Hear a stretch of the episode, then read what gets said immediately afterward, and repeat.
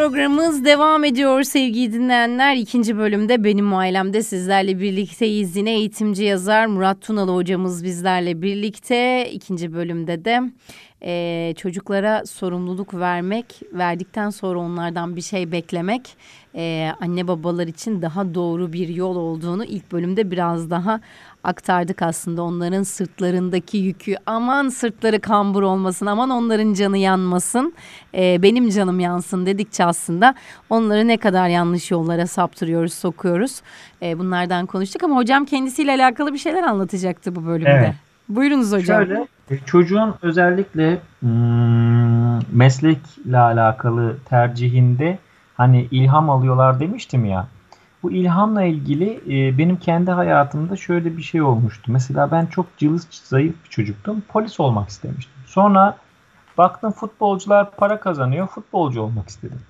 Sonra e, futbolculardan ziyade e, işte e, başka bir meslek sahibi olmak istedim. Sürekli değişti. Yani öğrencilerin de bu anlamda beklentileri değişeceği için çok fazla e, hani e, eleştirmemek lazım meslekleriyle alakalı. Yorum yapmamak lazım.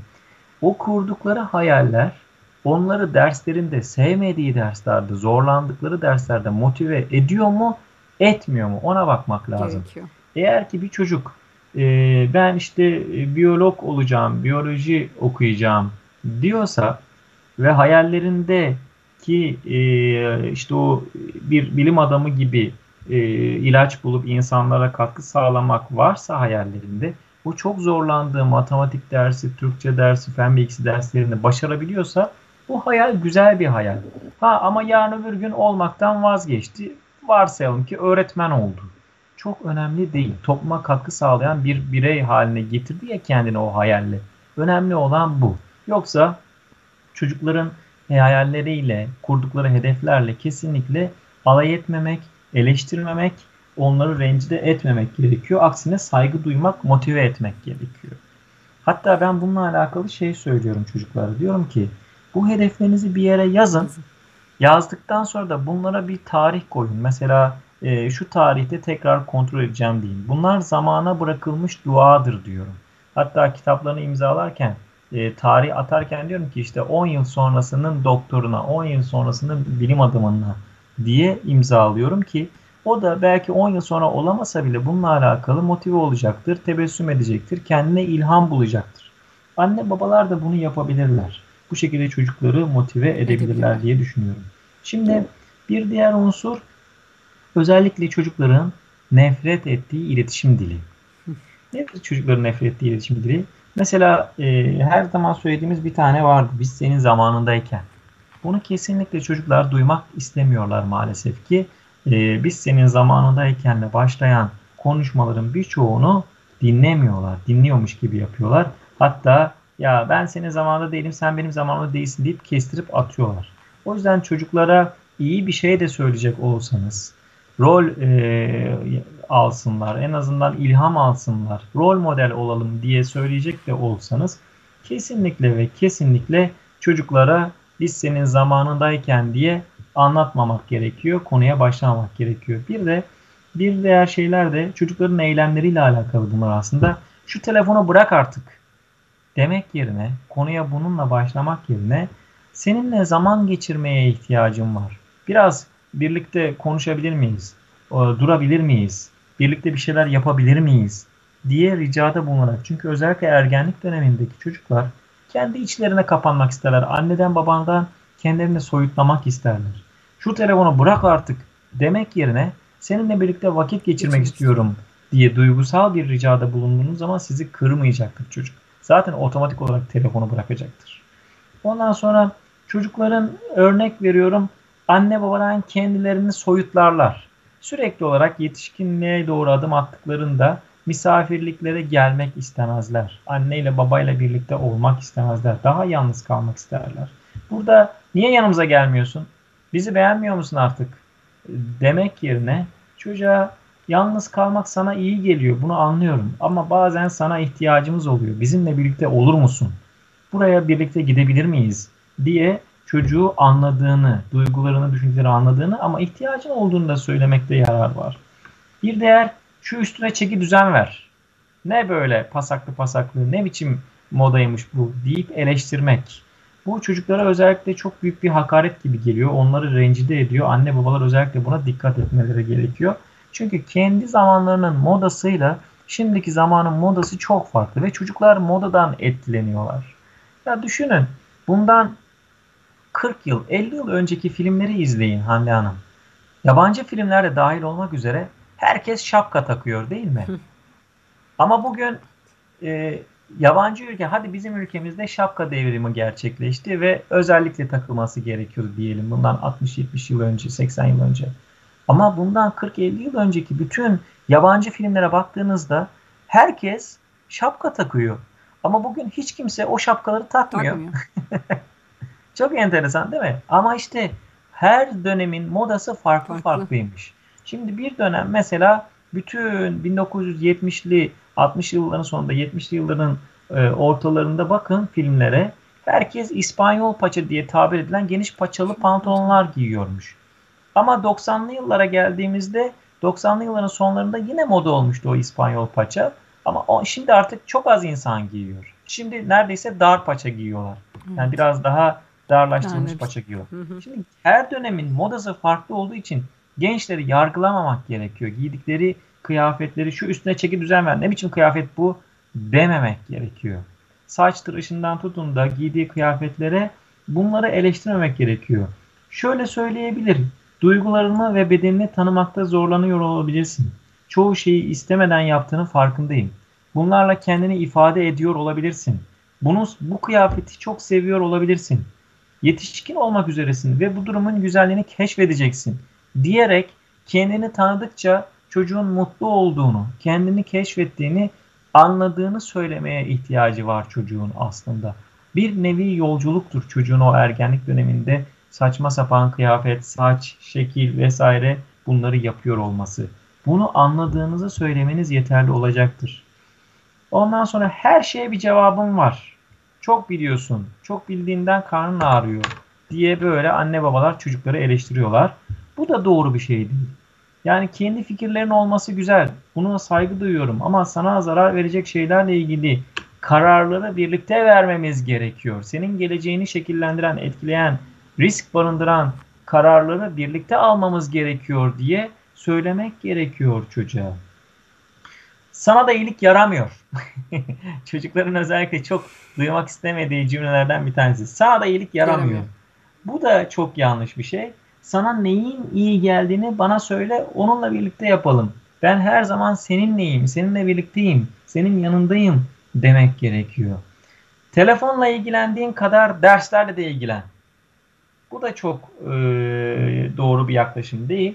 Çünkü çocuğa göre telefonla ilgilendiği zaman ona göre azdır. Derslerle ilgilendiği şey çoktur. Bu biraz acı çekmek ve zevk almakla alakalı bir şey. Einstein'ın görelilik kuramına ilişkilendirilebilir. Hoşuna giden şeyleri ne kadar uzun süre meşgul olsa da yapsa da ona süre az geliyordur. Hoşuna gitmeyen, acı çektiği şeyleri yapsa da ne kadar kısa olsa da süre ona uzun geliyordur. Bu da onun gibi bir gününü planlamanda sana yardımcı olabilirim. Sana kendini iyi hissettirir diyerek çocuğa küçük hedefler e, koyması gerektiğini söyleyerek küçük hedeflerin onu mutlu edeceğini, motive edeceğini göstermek ve nereden başlayacağıyla alakalı da ona yardımcı olmak gerekiyor. Nasıl yardımcı olabilirim? Nereden başlayacağın konusunda ben sana yardımcı olabilirim. Nasıl yapacağın konusunda sen kendin yol olabilirsin diyebilirsiniz. Yani çocuğa sadece bir telefonla yola çıkıp telefonun haricinde ilgilendiği şeylerle de onları linç ederek, hoşuna giden şeyleri linç ederek eleştirmemek gerekiyor. Burada zaten anne babanın çoğu zaman yaptığı hata çocuğun bir tane davranışını genelleyerek kızması. Mesela telefonunu oynuyor olmasını bahane edip hayatının bütün sorumluluklarını o telefonla eleştirmesi anlamına geliyor. Yani sen zaten hep böylesin, sen zaten hep böyle yapıyorsun diyerek telefonla bağlayıp e, konuyu genellemiş olması çok, çok büyük hatadır. Özellikle çocukların nefret ettiği kelimelerdir bunlar. Bu söylemlere dikkat etmek gerekiyor anne baba olarak. Hele hele ergenlik dönemine girmiş olan insanlar için.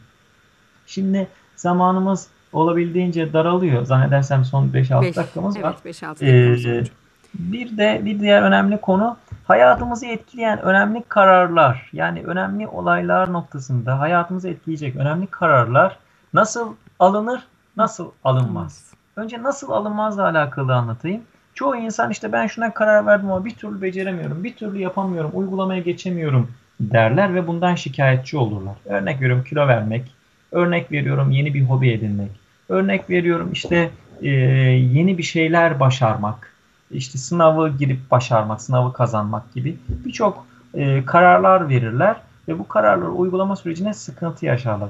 Şimdi bununla alakalı sonuçların neden böyle olduğunu önce olumsuz sonuçlandığını anlatayım. Birincisi istekle temenniyi karıştırırlar. Eğer bir karar verdiyseniz bu istek e, mi hayal mi ona dikkat etmeniz gerekiyor. Başarısız kararların sonunda baktığımızda hep istekler temennidir, hayaldir.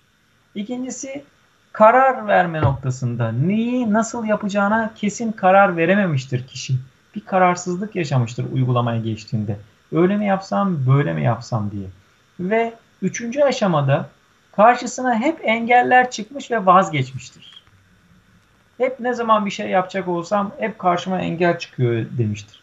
Oysa karar verdiğinde uygulamaya geçerken bu engelleri planlaması gerekiyor. Plansız olduğu için birçok engelle karşılaşmıştır kişi. Ve erteleme hastalığı. Birçok insan, başarısız olan insan erteleme hastalığının kurbanı olmuştur. Sürekli olarak sonra yaparım, sonra yaparım, canım istemiyor, şimdi yapmak istemiyorum, sonra yaparım. Yarın yaparım, haftaya başlayacağım, kesinlikle önümüzdeki ayın sonunda başlayacağım, bu ayın başında başlayacağım gibi gibi erteleye erteleye erteleme ile zamanını geçirmiştir. Rahatlık bölgesini terk etme. Erteleme hastalığının beraberinde getirdiği bir şeydir. Rahatlık bölgesini, konfor alanını terk etmek istemiyor. Buradan çok küçük bir detay vereceğim. Mesela okullarda sıralar hep konforsuzdur, rahatsızdır. Çünkü üretkenliğin getirdiği bir şeydir. Ne kadar rahatsız olursanız o kadar üretirsiniz. Geçmiş yıllarda bizim dedelerimiz, amcalarımız e, bize anlatırlardı işte mum ışığında ders çalışırdı. Ya da ne bileyim gaz lambası altında ders çalışırdı. Buz gibi odada ders çalışırdı. Sokak lambasının altında titreye titreye ders çalışırdı. Ve o insanlar çok başarılı oldular. Ülkelerine çok faydalı insanlar oldular. Ama konfor alanları yoktu. Konforsuzluk alanlarında ürettiler. Bu da öyle. Peki başarıyla sonuçlanan karar süreci nasıl oluyor? Bir, istek temenni değildir, ölçülebilir, değerlendirilebilir bir plan yapılmıştır, hedef konmuştur. Ne kadar zamanda nasıl üreteceğim, nasıl yapacağım bunun adımlarını ölçüp değerlendirmiştir. İkincisi zaman yönetimi vardır. Zamanı nasıl kullandığıyla alakalı. Örnek veriyorum çok hoşuna giden bir hedefi, ideali vardır. Her günümün 2 saatini bu hedefime ulaşmak için harcıyorum. Ya da her hafta 2-3 saatimi bu hedefime ulaşmak için harcıyorum demiştir. Zaman yönetimi vardır. Engeller karşısında nasıl, e, niye benim başıma geliyor, neden böyle oluyor demek yerine engelleri sürpriz engellerle karşılaştığında bunlarla alakalı çözüm arar. Nasıl çözebilirim sorusunu sorar. Yani nasıl odaklıdır? Çözüm odaklıdır. Bir de son madde gelecek zamana odaklanır. Şimdi de değil, gelecek zamanda başaracağı, elde edeceği sonuçlar onu motive eder. Gelecek zamana bakar. Şimdinin olumsuzluklarıyla vakit harcamaz. Buna dikkat etmesi gerekiyor. Ee, eğer bu dört aşamaya önem verirse kişi doğru kararlar verir ve hayatını da olumlu anlamda ileriye doğru götürebilir diye düşünüyorum. E, açık söylemek gerekirse çoğu zaman kararlarımızı verirken dışarıdaki insanlardan etkileniriz. Yani olumsuz bir şey e, söylerler. Biz de hemen pamuk ipine bağlı olduğu için o kararlar hemen vazgeçebiliriz. Buna dikkat etmek gerekiyor. Başkalarının ne söylediği, ne düşündüğünün bir önemi yok. yok. Ee, bizim ne yapmak istediğimizin, nereye varmak istediğimizin bir önemi var. Ee, ben ilk kitabımı yazacağım zaman kitap yazacağım, hazırlık yapıyorum dediğim zaman etrafımdaki bütün ne kadar insan tanıyorsam kitap yazmak öyle kolay mı? Ne kadar zor biliyor musun? Sen kimsin ki kitap yazacağından tut bir sürü bir sürü bir sürü olumsuz şey söylemişlerdi. Ama kitap fuarına gittiğimde o olumsuz sözler söyleyen insanların hepsi kitap fuarında kitabımı imzalatmak üzere benim yanıma gelmişlerdi. En güzel şey birilerinin sana olumsuz da, e, örnekle de söylemiş olsa bile motivasyonunu bozmadan geleceğe bakıp olmak istediğin şeyi hayalinde kurup ona doğru adımlar atmaktır. Ona doğru adeta bir ibadet gibi, adeta bir nasıl diyeyim e, eylemsel bir dua gibi adımlar atıp onu gerçekleştirmektir hayata dair. Her şey elimizde hocam. Yani o kadar çok olumsuz şeyler söyleyip böyle paçamızdan aşağı çekmek isteyen kişiler oluyor ki bazen etrafımızda. Evet, Onları kesinlikle aşmak gerekiyor. Onu ben çoğu zaman yaşıyorum. Çoğu çoğu yani sadece iş yaşantımızda değil, özel hayatımızda, aile yaşantımızda da bu böyle oluyor. Ee, böyle çekmek isteyenleri bir kenara bırakmak gerekiyor. Doğruyu söylüyor olsalar bile belki onu duymak istemiyoruz o an.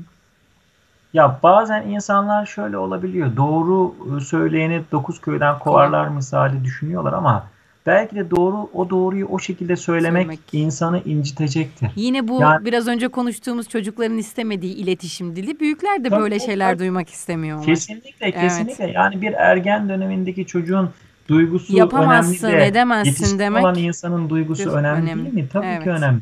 Kesin. O yüzden çevremizdeki insanlara konuşurken onlara ilham uyandıracak şekilde, ilham verecek şekilde konuşmak gerekir. Bir de ben zamanımız daraldı ama şunu söylemek istiyorum.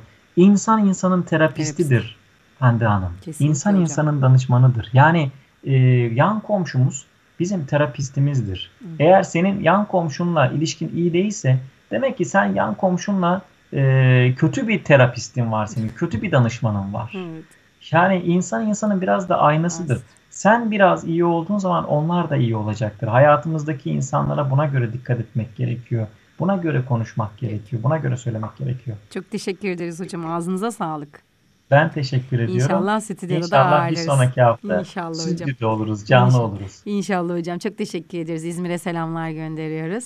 Görüşmek Selam. üzere diyelim. Bugün yine eğitimci yazar Murat Tunalı hocamız bizlerle birlikteydi sevgili dinleyenler. Bugün paylaştık, birlikte olduk. Yarın yine bu dakikaları paylaşana kadar hoşçakalın diyelim.